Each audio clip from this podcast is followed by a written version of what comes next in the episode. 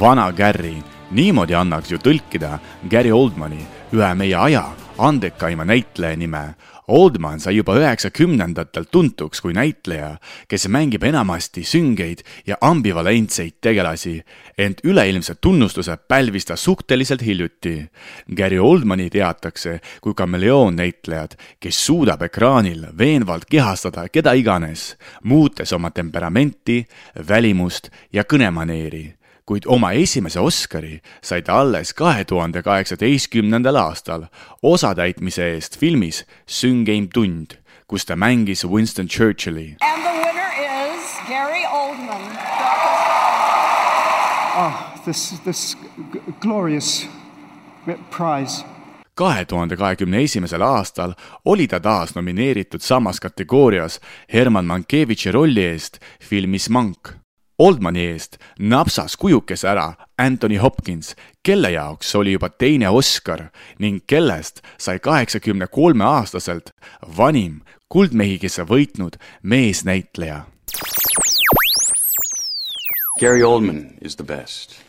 I'm pretty good, but I mean, if you look at what I do, then watch Gary Oldman, you'll see, well, he's not quite as good and yeah, he's doing Gary Oldman. ametivennad hindavad kõrgelt tema meisterlikkust, näiteks Brad Pitt nimetab teda jumalaks. Daniel Radcliffe tunnistab, et Oldman on see näitleja, keda ta tahaks kopeerida.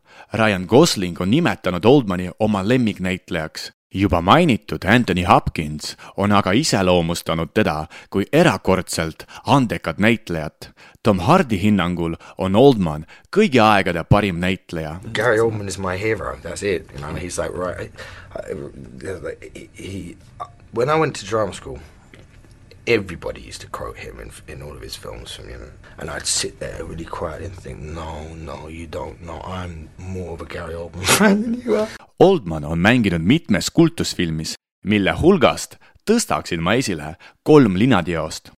Harry Potter, Viies element ja Leon. hämmastav, kuid viimased kaks on vändanud Prantsuse režissöör Luc Besson. You can't stop what you can't see. This guy came from the outside. He was a pro. He was fast. In the art of the kill, Leon was the master. Somebody's coming up. Somebody's serious. He never missed a hit. Just tänu Leonile kuulsin ma esimest korda Gary Oldmani nime. ma vaatasin seda filmi koos oma isaga, kes rääkis mulle, kui vaimustavalt ikka Gary Oldman kurjameid mängib. I like these calm little moments before the storm. samuti avas Leon tee Hollywoodi ka filmi peaosa täitjale Jean Reno'le, kes ei olnud filmitööstuse mõõdupuuga mõõtes enam sugugi noor näitleja. You see, when you use the silencer a lot, you have to put a piece of cloth here because it gets very hot and could burn it inside. A damp black cloth is the best filmi linastumise ajaks oli ta juba neljakümne kuue aastane. lõputiitrite ajal kõlav Stingi laul Shape of my heart sai rahvusvaheliseks hitiks.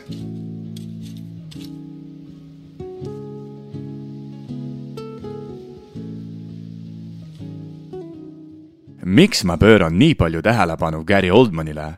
lihtsalt seepärast, et ta mängib filmis, millest seekord juttu tuleb aga kõigepealt täpsustaksin veel kord, mis film võiks pääseda saate tähtsad filmid nimekirja.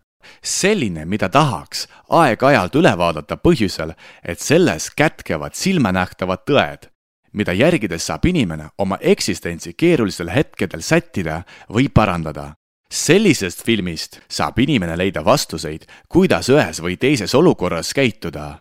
niisugune film harib inimest, ärgitab teda mõtlema avaramalt ja märkama asju, mida ta polnud seni tähele pannud. üks niisuguseid filme on Interstate Sixty, mis valmis kaugel kahe tuhande teisel aastal.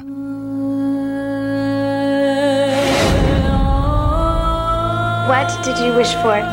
I wished for an answer. An answer to my life.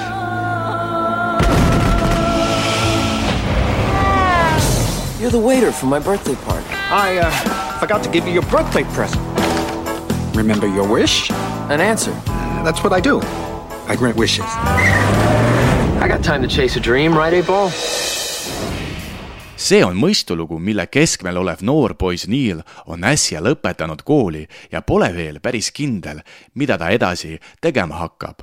Temas elab joonistamiskirg ning sügaval südamepõhjas tahaks ta kunstnikuks saada kuid tema isa, edukas advokaat, peab poja kunstihuvi tühiseks hobiks. piduliku õhtusöögi ajal kingib isa pojale sünnipäevaks kolmanda seeria BMW punase kabrioleti ja soovituskirja prestiižikasse õiguskooli.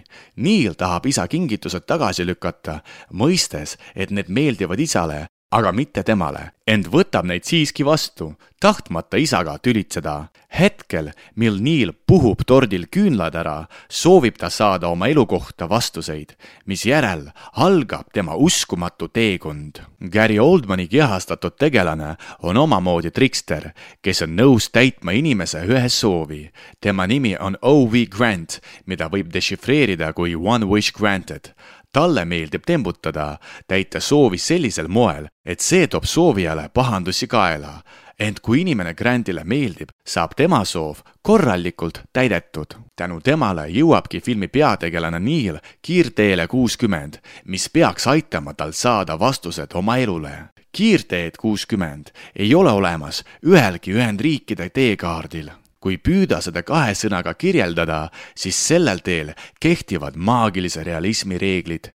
Neil kohtab sellel teel inimesi, kellest igaüks kehastab üht või teist kaasaegse ühiskonna probleemi. ent kuuekümnendad maanteed ei ole sugugi lihtne leida, sest nagu juba öeldud, seda ei ole mitte üheski USA teedeatlases seetõttu esimesena kohtab Neil oma teekonnal O.V. Granti, kes selgitab lühidalt, mida kiirtee kuuskümmend endast kujutab ning kingib Neilile abivahendi musta piljardikuuli number kaheksa, millele võib küsimusi esitada ning mis oma vastustega juhib kuuli omanikku otse kui kaitseingel õigesse suunda. näiteks esimese asjana küsis Neil mustalt kuulilt, kas kiirtee kuuskümmend on ikka olemas, veendumaks, et ta tõesti ei näe und. vastus oli järgmine, sinu jaoks on olemas. okei okay, um,, eight ball, is there an interstate sixty? ent sageli vastab see kuul filosoofiliselt või isegi mõistatuslikult, mistõttu Neil ei saa alati aru, mida üks või teine vastus tähendada võiks. lõpuks näitab just must kuul, kus asub kiirtee kuuskümmend jõudes sellele teele, kohtavad Neil ja Ovi Grant võluvad hääletajat Laurat, kelle kinnismõtteks on seks ning kes otsib ideaalset seksikogemust. Hello, man. You going my way? If you're going west. Then that's my way tema arvel on kaks tuhat ükssada kuuskümmend partnerit ja ta ei ole veel kordagi korvi saanud. neiu ei suuda kuidagi peatuda, sest ta ei saa lõpuni kindel olla, et on oma parima seksikogemuse juba saanud. seetõttu otsib ta aina uusi ja uusi õnneseeni ning pakub Neilile seksi, väites talle, et tal on tunnetus, et Neil on väga eriline. I have got a very, very good feeling about you and there's something very very special. Kuid Neil ütleb talle ära, öeldes, et temast saab esimene, kes keeldub ja seetõttu mäletab Laura teda oma elupäevade lõpuni. see naljakas lugu räägib meile seda, kui piinarikas võib olla millegi ideaalse tagaajamine, olgu selleks ideaalne töö, ideaalne partner või näiteks ideaalne hetk millegi uue alustamiseks. samuti ütleb see meile, et kordumatuks võib saada mitte ainult midagi tehes, vaid ka millestki keeldudes. Because if I don't do it, I won't be number two thousand and whatever. I'll be number one. That one guy, the guy you'll remember for the rest of your life. You'll stay up at night thinking about me, wondering, was he the one? järgmine oluline tegelane, keda Neil kiirteel kuuskümmend kohtab, on Bob Cody, mees, kes mitte kunagi ei valeta ja ei kannata valet silma otsaski. Hey, Bob Cody tema motoks on ütle, mida mõtled ja mõtle, mida ütled. ta pakub Niilile tööd, hakata tema autojuhiks ja rääkida temaga ainult siis, kui ta ise seda soovib. pealegi peavad mõlemad teineteise vastu ausad olema, selle eest hakkab Mr Cody maksma talle kümme dollarit tunnis ning palub edaspidi kutsuda teda sööriks või Mr Cody'ks. Mr Oliver, you may call me Mr Cody or sir You got it, sir. Sõidu ajal kuulab Mr Cody raadiost muusika asemel ainult reklaami ja paneb oma märkmiku kirja kõik valetamisepisoodid, mida jõuab tabada.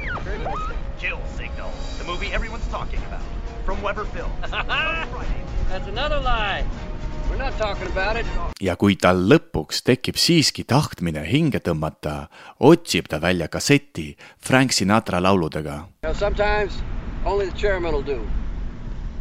I get no kick from champagne.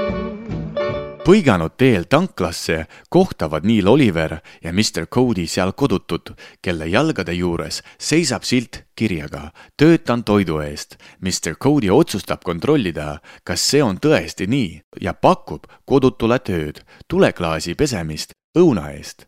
kodutu vastab, et õuna eest ta küll tööd ei tee, mispeale Mr Cody täheldab, et sildile pole kirjutatud, milline see toit täpselt olema peab ning palub teda juba jämedamas vormis taas õuna eest tööle hakata. seepeale võtab kodutu välja noa ja asub end kaitsma. Mr Cody aga tõstab siis üles oma särgi, mille all on dünamiidipomm. selgub, et Mr Cody põeb kopsuvähki ning tal on jäänud elada ainult pool aastat ta ütleb, et tal pole vahet, kas surra kohe või kuue kuu pärast, seetõttu paneb ta pommi tiksuma ja nõuab, et hulgus tema auto ära peseks. You see, I got lung cancer. I'm terminal, six months to live. It's dynamite, enough to take out everything in a radius of 150 yards. I don't give two farts in a martini if I go now or later. But if you do, you better wash that car. Okay, okay, mister. I'll clean it for you. hulkur soostub lõpuks seda tegema. mõni aeg hiljem, kui nad on taas teel, selgitab Mr Cody, et varem ta töötas reklaamiagentuuris, kus talle maksti valetamise eest ning ükskord selle vale tõttu suri laps. kui Mr Cody sai teada oma peatsest surmast nikotiini läbi, otsustas ta jäänud päevadega midagi kasulikku ette võtta, näiteks teha lõppu valedele. Mr Cody edendab Neili reisil üht võtmerollidest, kuid millist nimelt, saate te teada, kui vaatate filmi veel on filmis esindatud võltsitud maalide muuseum. muuseumi asutaja, keegi Mr Oscar James, oli õppinud maalikunsti meistriteoseid väga hästi kopeerima ning otsustanud lõpuks luua oma reproduktsioonide muuseumi. ta oli võltsinud Monet, Van Goghi, Cézanne'i, Renoiri, Degas, Neil kohtab oma külaskäigul muuseumisse rühma eksperte, kes tahavad hinnata koopiate kvaliteeti ja vahest mõne neist ka ära osta. ent eksperdid nendivad, et ehk võltsingud on päris hästi õnnestunud, ei ole nad siiski nii head, et vääriksid paarisaja dollari väljakäimist. It's decent craftsmanship, perhaps a little slick, lacks the artist's soul. It's shameful. Cezanne would roll over in his grave to see such a mockery of his work. hiljem, kui kunsti asjatundjad on muuseumist lahkunud, avaldab Mr Jamesi Lesk selle muuseumi peamise saladuse, et kõik need maalid on originaalid. proua kadunud kaasa oli tahtnud, et neid omaks see, kes mõistab neist vaimustada, aga mitte mingi trofeede kollektsioneerija. härra Jamesil oli välja töötatud peenmaalide dubleerimise protsess muuseumid saatsid talle originaalmaalid, et ta teeks neist koopiad. tema saatis muuseumile tagasi valmis koopiad ja ei jäänud seejuures kordagi vahele muuseumi stseen on kõnekas metafoor selle kohta, kui paljud inimesed meie ühiskonnas teesklevad end olevat milleski asjatundjad, ent tegelikult on nende teadmised väga pealiskaudsed. ma olen ühtepuhku mõelnud, kui paljud ooperis või teatris käivad inimesed sealt tegelikult naudingut saavad ning kui paljud käivad seal lihtsalt oma sotsiaalse staatuse pärast. kui paljud neist, kes nimetavad bändi The Beatles kõigi aegade paremaks bändiks, tõepoolest nende loomingut naudivad kui paljud inimesed mõistavad, milles seisneb selliste kirjanike nagu Tolstoi või Dostojevski vägevus. Paljudele meist meeldib näidelda, aga mitte olla ja rääkida millestki, millest me päriselt eriti midagi ei tea. siinkohal tahaks meenutada Mr Cody motot, räägi, mida mõtled ja mõtle, mida räägid kui kõik järgiksid seda reeglit, oleks maailm märksa parem paik. Say what you mean, mean what you say. You know, if everybody followed that rule, there'd be a lot less trouble nagu iga road movie'l on ka Interstate Sixtil oma viimane sihtpunkt, kuid ma nimme ei ava seda, et säiliks intriig kõigile, kes seda filmi esimest korda vaatama asuvad. mida aga ma võin kindlalt öelda, on see, et Neil saab filmi lõpus vastuse oma küsimusele ehk soovile ning mõistab lõpuks, mida ta sellelt elult tahab jõudes oma uskumatult reisilt tagasi koju, suundub Neil otsustavalt oma isa kontorisse, kus tunnistab ausalt, et loobub nii advokaadi karjäärist kui ka talle kingitud autost, öeldes selgituseks, et need kingitused olid olulised isale, kuid mitte temale Neil ütleb, et valib advokaadikarjääri asemel kunstniku tee, millega viib isa tujust väga ära ning annab auto tagasi, kuna tema lemmikvärv on hoopis sinine, mitte punane. Why would you buy me a red Beamer uh,? Red's a great color, especially for a convertible. You know, my BMWs have always been a great source of joy to me, so I just thought. Happy birthday, Dad. vastuseks isa nördimusele küsib Neil, kuidas tema end tunneks, kui poeg kingiks talle maalimiskomplekti ning siis annab isa lõpuks pojale õiguse. How would you like it if I bought you an easel and a paint box for your birthday? Never thought of it that way. Perhaps I could have given it a little more thought.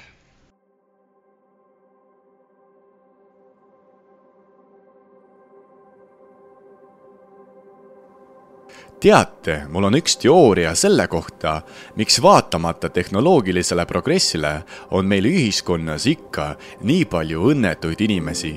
see seisneb selles, et enamik inimesi ei asu oma kohal. näiteks inimesed, kes võiksid saada headeks õpetajateks, tegelevad millegi muuga. inimesed, kellel pole pedagoogilist annet, õpetavad meid ja meie lapsi ning nõnda on see kõikides ühiskonna valdkondades lootes saada abi või kaastunnet inimestelt, kes on justkui sellele spetsialiseerunud, satume me tihti inimeste otsa, kellel ei ole meie muredest sooja ega külma. samas kui me kohtame näiteks arsti, kes meile kaasa tunneb, on osavõtlik ja püüab igati aidata, mis tähendab, et ta lihtsalt täidab oma kohustusi, siis jääb ta meile eluks ajaks meelde ning me räägime kõigile ümberringi, kui tubli arst meile sattus. niisuguste inimeste kohta võib julgelt öelda, et nad on leidnud oma kutsumuse ent miskipärast on selliseid inimesi uskumatult vähe ning minu meelest on asi selles, et enamikel juhtudel võtab alles noor ja ebakindel inimene ennemini kuulda oma elukogenud vanemate, sugulaste või õpetajate ratsionaalseid argumente ning astub seeläbi vale sammu, selle asemel, et kuulata oma sisehäält ja mõista, mida ta õigupoolest sellelt maailmalt ootab ja kelleks saada tahab. Ma arvan, et film Interstate Sixty räägib ennekõike sellest, saada aru, kes sa olla tahad ja kui oled aru saanud, mitte karta valitud teed mööda minna.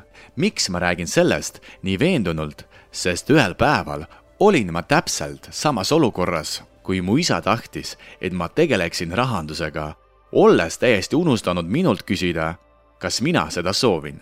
tulemuseks oli see, et ma küll omandasin majandusalase hariduse, kuid valisin siiski teise tee, selle, mis on mulle eluaeg lähedasem olnud. see on loominguline tee. seega räägib film Interstate Sixty osalt ka minust. huvitaval kombel ei jooksnud see film kinodes üldse, vaid ilmus ainult DVD-na ent see ja kõigest seitsme miljoni dollarine eelarve ei takistanud tal saamast kultusfilmiks. Saidil Rotten Tomatoes on selle filmi reitinguks kaheksakümmend kuus protsenti.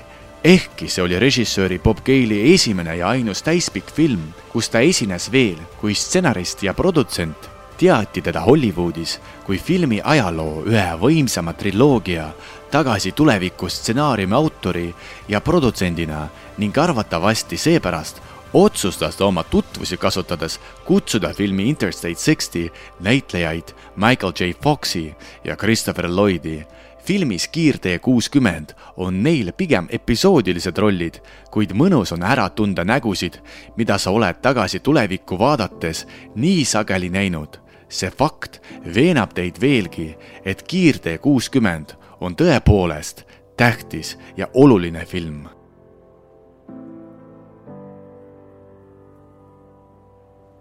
See oli saade Tähtsad filmid. Saadet tegi Georgi Abalõmov, Levila kaks tuhat kakskümmend üks